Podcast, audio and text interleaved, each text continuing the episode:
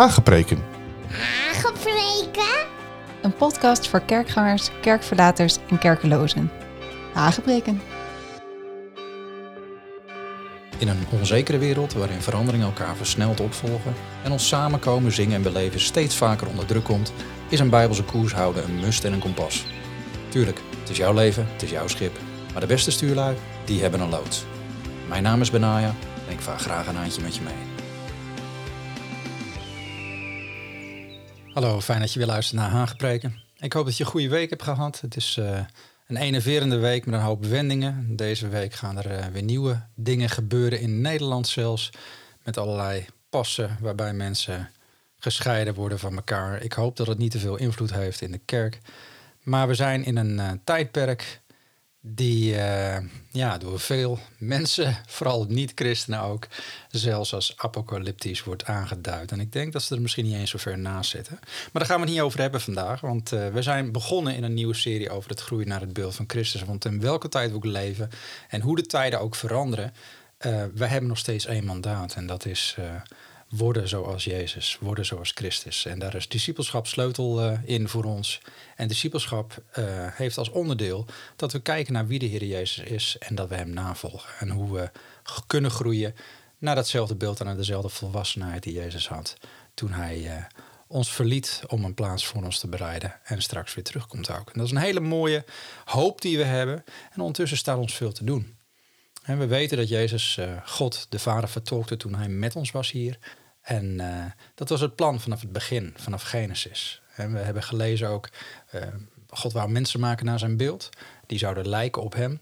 En ondanks dat alles in puin viel, doordat wij als mensen zelf de regie in handen wouden nemen, zond de schepper zijn zoon, Jezus, om het nogmaals voor te leven. En dan wel zo nauwgezet, en ik noemde dat vorige keer, dat Jezus met recht kon zeggen, wie mij gezien heeft, ja, die heeft de Vader gezien. Met andere woorden, als je naar mij kijkt, dan zie je in feite de Vader.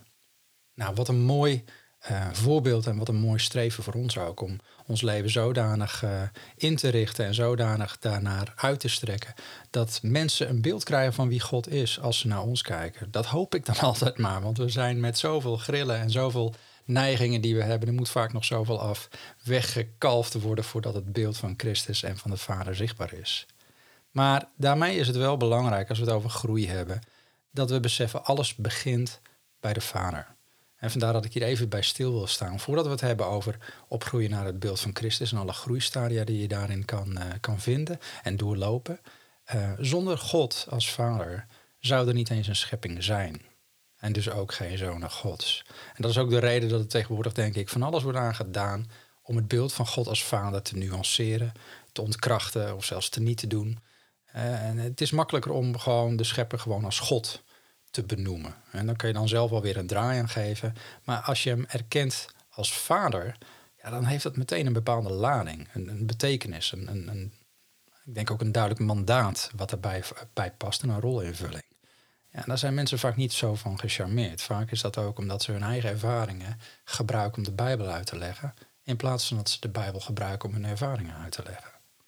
Nou, Jezus zei het zelf als volgt, dat vind je Johannes 17 dat hij zei: Ik heb uw naam geopenbaard aan de mensen die u mij uit de wereld gegeven hebt. Het is een prachtig stukje dat nog veel verder en dieper gaat. Ja, ik hou ervan om dat voor te lezen. Maar belangrijk is nu even dat Jezus vooral zegt dat hij Gods naam heeft geopenbaard. En dat is best wel een aparte opmerking. Hij heeft zijn naam geopenbaard en aan de mensen die hem waren toevertrouwd. En je kunt je afvragen welke naam was dat dan? Want de Joodse gemeenschap was natuurlijk bekend met een heleboel namen van God. En veel namen worden geopenbaard in het Oude Testament. En God laat zichzelf zijn karakter zien door zijn namen, zeg ik wel eens. Misschien heb je er wel eens een aantal van gehoord. Hè. Natuurlijk een van de bekendste is natuurlijk Yahweh of Jehovah, net hoe je het uit wil spreken. ik ben die ik ben, zo openbaarde God zich aan Mozes, Genesis 3. Maar er zijn er nog veel meer. Misschien herken je wel namen als Jehovah Jireh, de Heer die voorziet, of Jehovah Shalom, de Heer van de vrede. Jehovah Roi, een hele bekende, hè? Psalm 23, de Heer is mijn herder. Er zijn er zoveel. Een van de, van de mooiste vind ik de, de heer Tsevaot, de heer van de legermachten. Hij is, een, hij is een machtig strijder. Dat spreekt mij dan persoonlijk weer aan. Maar ook, er zijn ook andere namen, zoals El Yisrael, hè, de, de, de, god van Israël. Hele bekend. Of El Shaddai, misschien heb je het nummer wel eens gehoord van uh, Amy Grant. Uh, van vroeger een oud nummer, prachtig nummer. Sommige kerken en gemeenten zingen dat nog. Dat betekent God almachtig. En dat zijn allemaal prachtige namen. Dus je vraagt je af, ja, welke naam moest hij dan openbaren? En die naam was kennelijk, die Jezus openbaarde, nog niet eerder revue gepasseerd. Het is de naam namelijk waarvoor hij werd gekruisigd. Het is de naam die weerstand, kritiek, skepsis en, en ja, complete religieuze woede en haat opriep, namelijk Abba. Papa. Vader. En dat leek heiligschennis. Dit was, toen hij dat noemde, was dat te intiem. Het was te amicaal, te, misschien wel te banaal voor woorden om God zo dichtbij te trekken als papa. Maar zo leerde hij ons wel bidden. Hij leerde ons bidden, onze papa die in de hemel is. Wij hebben ervan gemaakt onze vader, omdat vader misschien wel, ja, misschien komt er in het oud-Nederlanders dichterbij als nu. Ik denk dat bijna niemand zijn vader meer vader noemt. En je leest het dan wel eens in die oude boekjes van nou ja, K. Norel of zo. Of, eh, of uh, wat heb je, Ot en Sien. Hè? Uh, vader, moeder. Maar wij zeggen gewoon papa en mama. En dat is ook wat je in de grondtekst leest. Abba, papa. Um, zo leren hij ons bidden. Wat dit met opgroeien in Christus te maken heeft? Nou, als wij opgroeien in geloof, dan worden we steeds meer als de Heer Jezus in ons denken, doen en reageren. En dan vervullen we de oorspronkelijke reden van ons bestaan, namelijk mensen geschapen naar zijn beeld, mensen geschapen naar zijn gelijkenis. Dan zullen mensen dus een beeld krijgen, een plaatje, wie God is als papa. Dan gaan we steeds meer lijken op onze schepper. En dat is weer een must als we onze taak willen uitvoeren die hij ons gaf in het begin van de schepping, namelijk heersen en vermenigvuldigen. Eh, want ja, je vermenigvuldigt je als papa. Want laten we wel wezen, er wordt heel wat afgeheerst in deze wereld. Door, een, door een heleboel mensen met een heleboel motivaties en houdingen en drijfveren die heel ver afstaan van dat dienende vaderhart, de mindset van een papa. En ja, de gevolgen zijn duidelijk.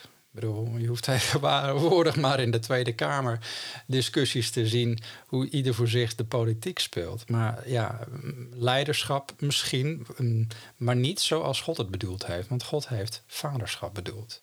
Leiden vanuit een vaderhart. En, en feitelijk komt het precies daardoor. Men, men geeft wel leiding, of sommige mensen nemen leiding, maar ze doen dit als leider. Niet als een vader. En wat bedoel ik daarmee? Nou, eigenlijk zie je dat nog het beste in kerken, gemeenten en christelijke organisaties. Want we kunnen in feite de wereld niet kwalijk nemen als ze God niet eens kennen of willen kennen. Of zelfs niet um, nou ja, zijn recht tot heerschappij over hun eigen leven niet erkennen, kunnen we dat niet als maatstaf nemen. Maar het is mij in de afgelopen 10, 20 jaar opgevallen um, dat het erg populair was om in te steken op leiderschap in kerkelijke kringen. En je hoort momenteel nog, nog veel meer dan ooit tevoren. Hè? Slogans van ontdek de leider in je, ontwikkel je leiderschap, de leider in jou. Ehm, er zijn allerlei trainingen ook voor, voor christelijke leiders. Men focust op leiderschap ontwikkelen. Men spreekt over het komen tot je volle potentieel als christelijke leider. En ergens is dat begrijpelijk. Er zijn namelijk veel christenen ook in posities van leiderschap die veel baat kunnen hebben bij de handreikingen en bijbelse principes die ja, vanuit een goed christelijk perspectief krijgen en kunnen integreren in hun leidinggeven, zelfs in management. Maar heel vaak zijn die trainingen daarvoor juist niet bedoeld.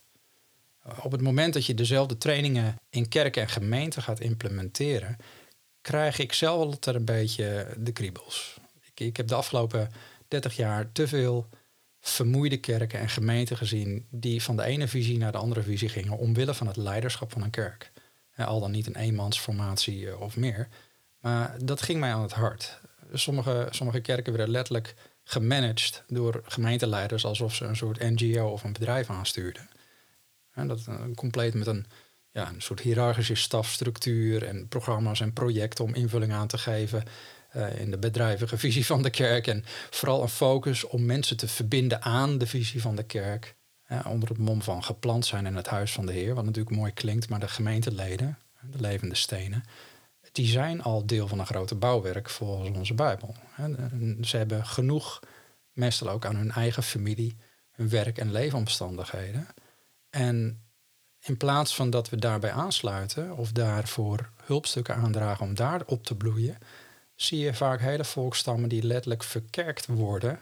En daarmee bedoel ik dat ze alleen maar bezig zijn met de activiteiten van de kerk, de mensen van de kerk, ehm, wat hun invloed op de wereld direct om hen heen ineens gaat vernauwen tot een gebouw en de vereniging van gelovigen in dat gebouw en hun uitreiken naar anderen die niet geloven, eh, ja, is vaak toch weer die mensen ook in datzelfde gebouw krijgen. En dat moet je als niet-gelovige maar net aantrekkelijk vinden. Ehm, eh, in plaats van zich tot doel te stellen, iedereen gewoon zelf vruchten laten dragen naar zijn of haar eigen soort.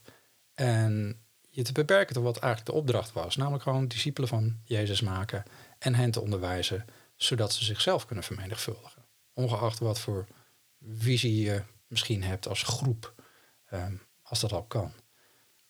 En natuurlijk, we leven uh, vanuit de tradities van onze ja, gemeentes en kerken die ons voor zijn gegaan in de geschiedenis. En dat, dat ja, groeit zo. Dat snap ik allemaal. En dat is ook maar een observatie. En toch hoor ik elke keer weer dat dat niet alleen mijn observatie is. Het is niet één die onbekend is. Tijdens koffie in kerken spreek je heel vaak gemeenteleden en ontdek je wat er leeft en hoe men spreekt over leiderschap. En dus ook welke plek leiderschap, kerkleiderschap inneemt. En daar verbaas ik mezelf wel eens over, vooral ook omdat de term leiderschap zelf niet eens in de Bijbel staat. Natuurlijk wordt er wel verwezen naar leiders, vooral ook in het Oude Testament. Maar 9 van de 10 keren is dat simpelweg om aan te duiden wie was gesteld over wie. Hè? Een bepaalde familie, in een stam, in een volk, zoals het volk Israël. Of een groep, zoals een legereenheid of een tempeldienst. En ook in het Nieuwe Testament worden leiders binnen de groep genoemd. Hè? Dus een, over een groep van fariseeërs bijvoorbeeld. Maar gemeenteleiders worden niet met leiders aangeduid op die manier. Natuurlijk zijn er wel uh, leiderschapsprincipes uit de Bijbel te, destilleren. Hè. Je hebt, uh, in het Oude Testament heb je een heleboel richtlijnen over hoe je gouvernement uitvoert, vooral voor koningen ook. Um, maar als het aankomt op de grote opdracht die wij als nieuwtestamentische gelovigen kregen, uh, hoe de gemeenschap van gelovigen bedient, horen te worden, voert de term leiderschap of leidinggeven niet de boventoon. Sterker nog, in de spaarzame passages, het zijn er geloof ik drie, waarin er naar personen wordt verwezen die nu als gemeenteleiders worden aangeduid, of voorgangers. En dat is een term die in ieder geval in de Nederlandse vertaling zo neer wordt gezet. Gaat het over een voorbeeldfunctie? Ook voor mensen die worden aangemerkt als, nou, wat Efeze 4 aangeeft, apostelen, profeten, evangelisten, herders en leraars, die we dan in het Nieuwe Testament vooral zien, um, die worden daar genoemd gaven. En dat zijn niet persoonlijke geestelijke gaven waarin gelovigen kunnen functioneren. Nee, die personen zelf zijn gaven, gaven aan het lichaam van Christus om haar op te bouwen, op te doen groeien naar het beeld van Christus. Let wel, daarmee zeg ik dus niet dat leiders in het algemeen niet getraind hoeven te worden. En ook niet dat leiderschapsprincipes die worden onderwezen vanuit het woord van God of bepaalde methodiek die wordt gebruikt niet oké zou zijn, zelfs niet in de kerk. Maar van alle leiderschapstrainingen die ik zelf in de afgelopen 30 jaar heb eh, doorlopen in tal van kerken, eh, seminars en conferenties, nou, dat zijn er een heleboel, miste ik elke keer weer een duidelijke nadruk op wat ik geloof dat het hart is uh, voor het voorgaan van mensen en bedienen. Namelijk vaderschap. Toen ik zelf nog les gaf over leiderschap aan voorgangers en gemeenteleiders, waren de reacties meestal heel voorspelbaar. Namelijk ja, de Bijbel leert ons dienend leiderschap. En als tekst haalde men dan meestal aan Matthäus 20, vers 26. Een opmerking van Jezus aan zijn discipelen. Ik lees hem even voor. Daar staat, toen Jezus hen bij zich geroepen had, zei hij, u weet dat de leiders van de volken heerschappij over hen uitvoeren en de grote macht over hen uitoefenen. Maar zo zal het onder u niet zijn. Maar wie onder u groot wil worden, die moet uw dienaar zijn. Nou, die tekst is zo standaard geworden in het onderwijs over leiderschap dat men vergeet wat hier werkelijk wordt gezegd en al helemaal wat de context is. Ten eerste zegt Jezus niet wie onder jullie een leider wil worden. Daar heeft hij het niet over. Hij zegt leiders van volken voeren heerschappij over anderen uit en hebben macht over hen. Maar dat dit juist onder ons niet zo zal zijn. Als wij groot willen worden, zegt hij, nogmaals, dus niet als wij een leider willen worden, want dat zijn twee verschillende dingen. Als wij groot in de ogen van God willen worden, en dat Griekse woordje daar is gewoon mega. Als wij mega willen worden, moeten we een dienaar zijn. Nou, in de seminars die ik dan geef, of gaf, moet ik zeggen, dan is de reactie vrijwel direct, ja inderdaad, dienend leiderschap. De Bijbel onderwijst ons dienend leiderschap. Maar dat zegt Jezus helemaal niet. De Griekse woorden die daar gebruikt worden zijn diakonos en doulos.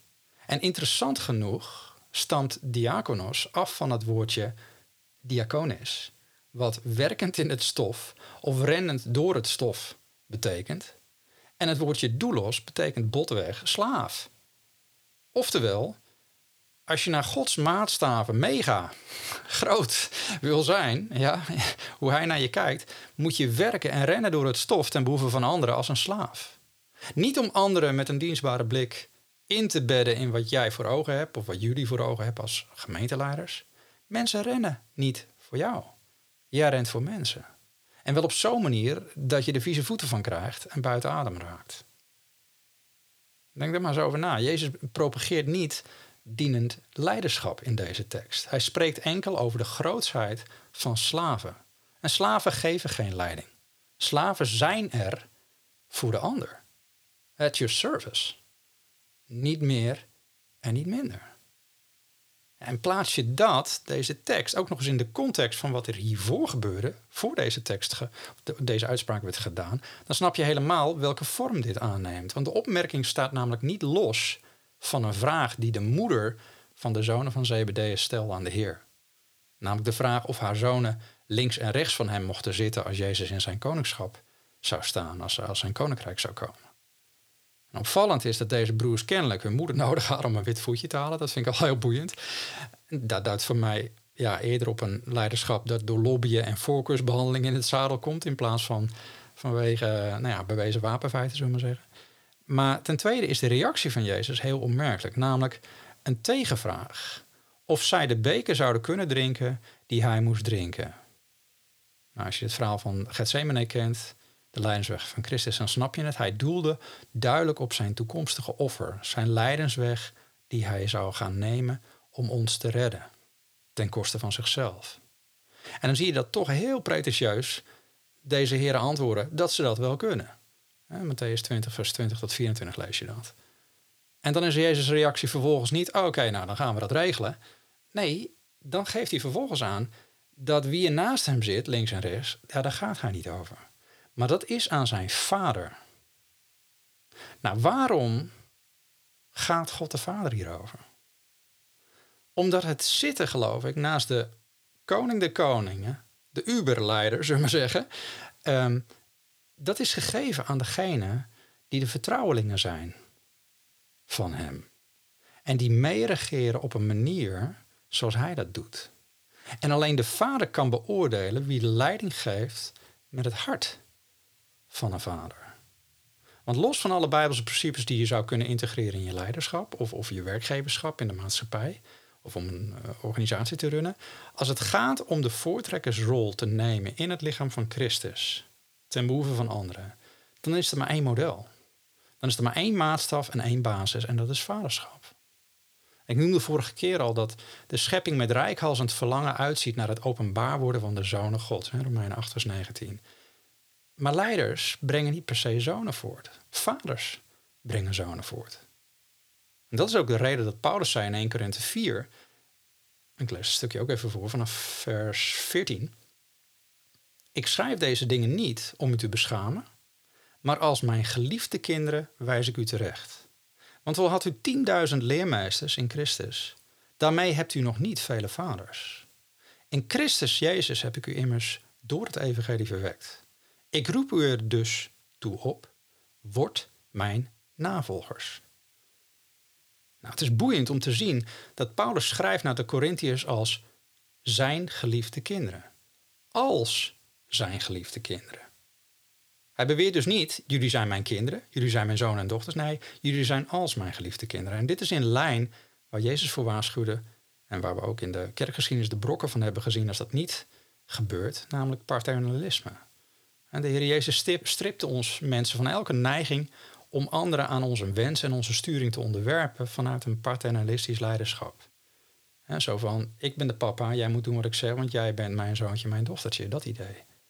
Of misschien dat het niet zo verwoord wordt, maar wel met die houding. Er staat namelijk, Matthäus 23, vers 9, u mag niemand op aarde uw vader noemen, want één is uw vader, namelijk hij die in de hemel is. En u mag niet meesters genoemd worden, Want één is uw meester, namelijk Christus. Vandaar ook, Paulus zei al, heb je tienduizenden leermeesters, oftewel mensen die als leider vertellen wat je moet doen en hoe de vork in de steel zit, daarmee heb je nog niet vele vaders. Daarmee hebt u nog niet vele vaders, er. En dan haast hij zich eraan toe te voegen, ik roep u er dus op, word mijn navolgers. En die oproep betekent dus niet, noem mij je vader, wat heel veel mensen daarvan hebben gemaakt. We moeten zonen hebben, we moeten zonen voortbrengen. Nee, nee, nee, dat zegt hij niet. Hij zegt: zorg ervoor dat je net als ik een vader wordt. Anders gezegd, ga vaderen. Ja, maar zullen sommigen zeggen: een vader is ook gewoon een leider? Nou, nee. Een vader is een vader. Om het even terug te komen, natuurlijk vanuit mijn vader zijn geef ik op een bepaalde manier, op verschillende manieren, leiding aan mijn gezin. Maar daarmee ben ik nog niet door de Heere God als leider aangesteld van mijn gezin. Ik ben geen kleuter, kinder of tienerleider. Ik ben vader. Dat is een hele andere dimensie. En dat gaat ook veel verder. Ook een hele andere insteek. Uiteraard manage ik een heleboel in dit huishouden van ons. En dan bedoel ik niet alleen de basis als de kids en de luiers en het huishouden, de hele logistiek, eh, financiën, verzekeringen, vakanties, wat heb je allemaal. Vaderschap is veel meer. Vaderschap is niet alleen mensen betrekken in jouw plan, in de richtingen die je aangeeft, in jouw visie of de visie van het huis, of anderen laten meelopen wat jij aan het doen bent of wat jij hebt opgezet. soms zeg ik wel als ik kinderen te veel draaien van nou wacht even, jij kwam erbij, je doet met ons mee. maar dat is meer een, ja, een flauwe grap om ze te laten weten van nou de wereld draait niet alleen om jou. Maar vaderschap is anderen wel tot bloei en tot groei brengen. En dat betekent, zoals het woord waar de diakonos is vanaf geleid, uh, het is door het stof gaan. Door het stof gaan, de extra mile voor je vrouw, voor je kids, om te zorgen dat ze alles hebben wat er voor nodig is om te kunnen eten, zich te kunnen kleden, te kunnen spelen, te ontspannen, te leren, fouten mogen maken, maar ook hoe je ruzies bijlegt, hoe je zelf dingen kan oppakken, hoe je sorry zegt, moet je zelf modelleren, ook als vader. Zelfstandig worden, hoe ze kunnen ontdekken wat zij zouden willen doen in dit leven en kijken of je daarbij aan kan sluiten, of je dat aan kan moedigen. Snap je wat ik bedoel? Dit, soms, ja. Ik, ik ben gestopt op een gegeven moment uh, met leiderschapsseminars. Omdat je op een gegeven moment, ja, ik ben gewoon teruggegaan naar de eenvoud van discipelschap. Want volgroeid discipelschap leidt namelijk altijd tot vaderschap. En vaders brengen zonen voort. Leiders hoogstens andere leiders. Dat zijn heel vaak ook gewoon technieken of skills. Vaders vraagt veel meer. En daarom motiveer ik gemeenteleiders ook altijd om, om niet een leiderschapsfilter over die Bijbel heen te leggen. En misschien het gros van alles wat ze in de goed bedoelde leiderschapsseminars uh, hebben geleerd om, om een kerk goed te kunnen leiden, om dat gewoon eens te parkeren. Want er zijn te veel kopstukken in Nederland die, als je ze hoort spreken, op een gegeven moment overal leiderschapsprincipes zien in het woord van God. Alles in hun hele optiek spreekt van leiders, leiders, leiders, leiders. Dat wordt wel eens vermoeiend. Er staat veel meer in die Bijbel. Ja? Want ja, voor je het weet ga je, ga je de Bijbel alleen maar vanuit die optiek bekijken. En er zijn natuurlijk ook leiders die doorhebben dat zoonschap een sleutel is. Hè, dat veel verder gaat als leiderschap. En daar ben ik altijd wel blij om. Maar ik zeg wel, het is een sleutel. Want vervolgens wordt de focus vaak ook hoe ben ik een zoon of dochter van God. En ik mag gewoon een dochter of, uh, of zoon van God zijn. En die ontspannenheid en die genade. En prachtig, heel mooi, fijn. Maar ook dat is onvolledig. En de helft van de waarheid. Want op den duur kan je jezelf daarmee ook weer in het centrum geven. Het gaat niet om jou en hoe jij tegenover God staat en al dat soort Dat is de basis. Dat, dat is ook onderdeel. Maar dat is niet het voornaamste. Zoonschap spreekt over je verhouding naar God. Het geeft aan wat je identiteit is in relatie tot Hem. Maar vaderschap spreekt over het deel worden van Gods hart voor zijn schepping.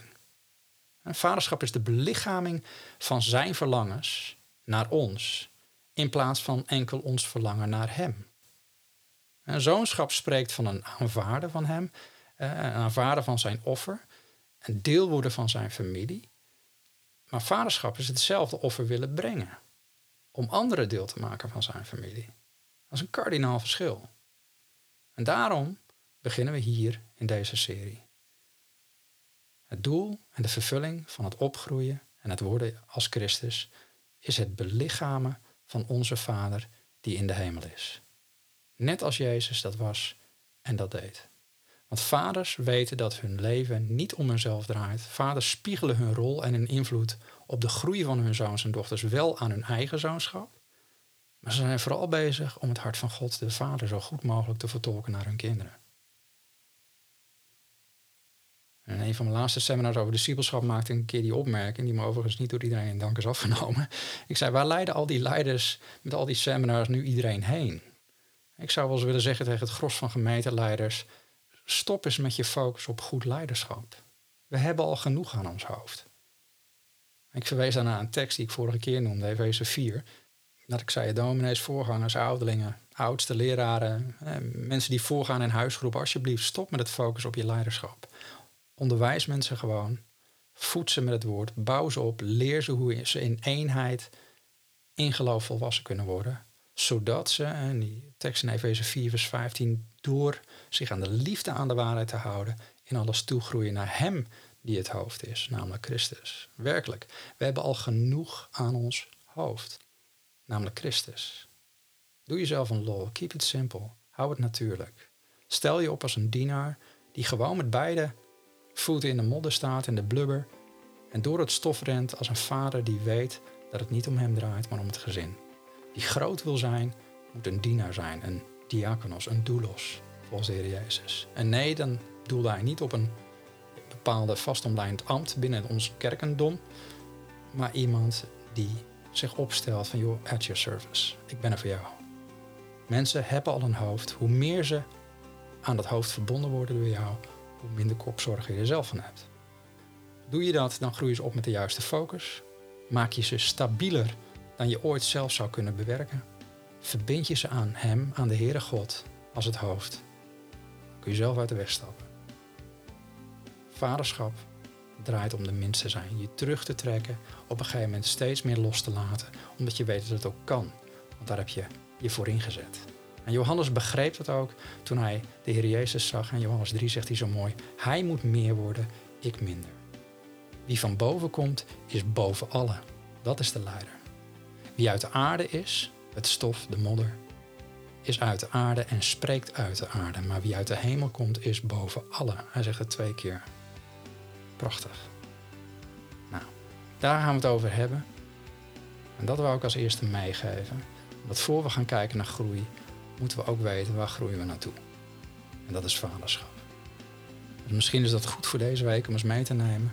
Hou jezelf de spiegel voor of laat je de spiegel voorhouden door de Heilige Geest. Heer, in hoeverre ben ik al groeien naar dat beeld? Blijf luisteren. Blijf koers houden. De volgende keer navigeren we verder. En heb je vragen, opmerkingen of aanvullingen? Surf even naar saintkenaan.com. Dan kun je ze daar via het contactformulier stellen.